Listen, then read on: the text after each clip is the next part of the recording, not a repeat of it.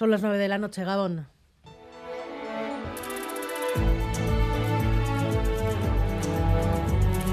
Gambara con Arancha García. Maniobra táctica, movimiento de fondo o confirmación del avance de Ucrania. Todavía es demasiado pronto para confirmar el alcance de la retirada de las tropas rusas de Gerson. De momento, lo único seguro, la orden de retirada adelantada esta tarde por el ministro de Defensa de Rusia. согласен с вашими выводами и предложениями. Se lleva tiempo especulando con esta retirada. Ucrania ha llegado a sospechar de que Moscú pudiera estar preparando una trampa para sus tropas y, de hecho, asesores de Zelensky precisan a esta hora que no están viendo ninguna señal de que Rusia esté abandonando ningún territorio sin luchar. Por eso, dicen, Ucrania se fía solo de los datos de su inteligencia y no de declaraciones teatrales, dicen por televisión. El que sí hace una lectura más triunfalista del anuncio ruso, el secretario general de la OTAN.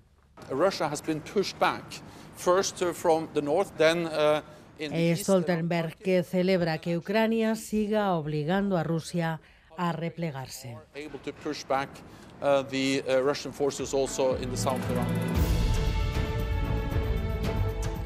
Enseguida nos vamos a Estados Unidos, hablamos de la, del recuento de las elecciones de medio mandato, pero antes un apunte sobre el tráfico. Precaución en la A8 en Baracaldo, en la zona de las curvas de Zorroza, sentido Cantabria. Se acaba de producir una colisión entre dos vehículos por lo que se pide precaución. De momento parece que el accidente no parece grave, pero ahí están esos dos coches eh, obstaculizando la circulación. A8 en la zona de las curvas de Zorroza, sentido Cantabria. Y ahora sí, Donald Trump no va a tener una vuelta triunfal. Esta noche todo le decía que iba a poder capitalizar una victoria rotunda del Partido Republicano, pero la realidad está siendo otra. A falta de que termine el escrutinio, ni los republicanos han arrasado ni los demócratas se han hundido. John Fernández Morcón al recuento. Así es, la oleada roja que esperaba el Partido Republicano no se ha dado. Es la primera gran conclusión con los resultados a esta hora que no son aún los definitivos. En el Senado, de momento, solo ha cambiado de color un asiento, el de Pensilvania, que pasa de manos republicanas a demócratas. Y a esta hora el resultado es de 49-48 a favor de los republicanos. Sí,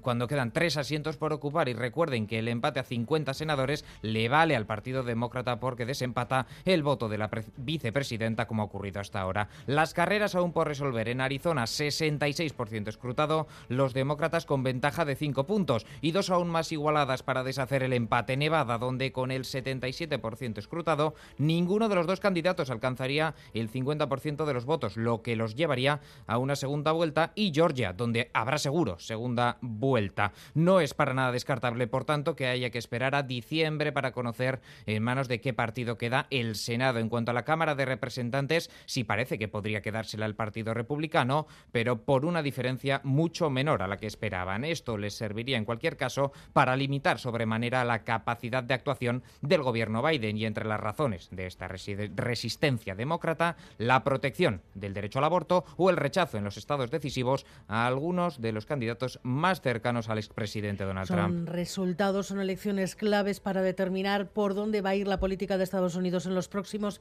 dos años de legislatura y por eso es importante ver las lecturas. Primera, la del presidente Biden. ¿Hay alguna valoración de la Casa Blanca? Pues el presidente Joe Biden de momento se ha limitado a publicar un mensaje en Twitter. La democracia no pasa por accidente, ha dicho, y tenemos que defender, reforzar y renovar esa democracia. Además, Biden ha agradecido el trabajo de todos los que han participado en la noche electoral y también ha dado las gracias a los millones que han alzado sus voces. Se espera que el presidente de los Estados Unidos hable dentro de aproximadamente una hora, pero la valoración en las filas demócratas se espera que sea eh, positiva en las elecciones de medio mandato. Siempre sufre el partido en el poder y esta vez han salvado el envite. Obama se dejó 63 escaños en la Cámara de Representantes, Trump perdió 40, Biden va claramente a mejorar esos resultados a pesar de que es probable que pierda el control de una de las dos cámaras. Y nos falta por escuchar a Donald Trump que empezó la noche ayer con, con una frase muy de su estilo. I think if they win, I should get all the credit and if they lose, I should not be blamed at all, okay?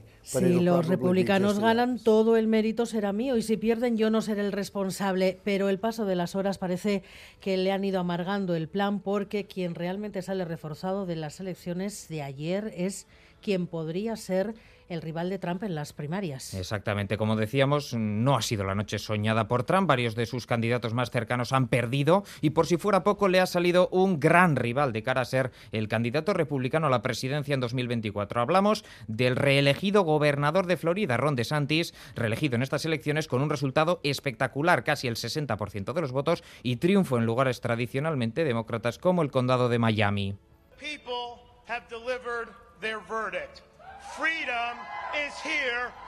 La libertad está aquí para quedarse, decía en un discurso en el que subrayó que en Florida morirá lo progre. Trump, que está enfadado, cabreado, gritando a sus asesores según varios medios estadounidenses, no tiene una buena relación con DeSantis. El expresidente también ha publicado un mensaje en su propia red social. Pese a que en cierta manera dice las elecciones fueron algo decepcionantes, desde su punto de vista personal asegura Trump que fue una grandísima victoria. Miembros del Partido Republicano le piden que reflexione antes de a otra carrera presidencial. Sin embargo, él sigue adelante de momento con sus planes de anunciar su candidatura el próximo 15 de noviembre.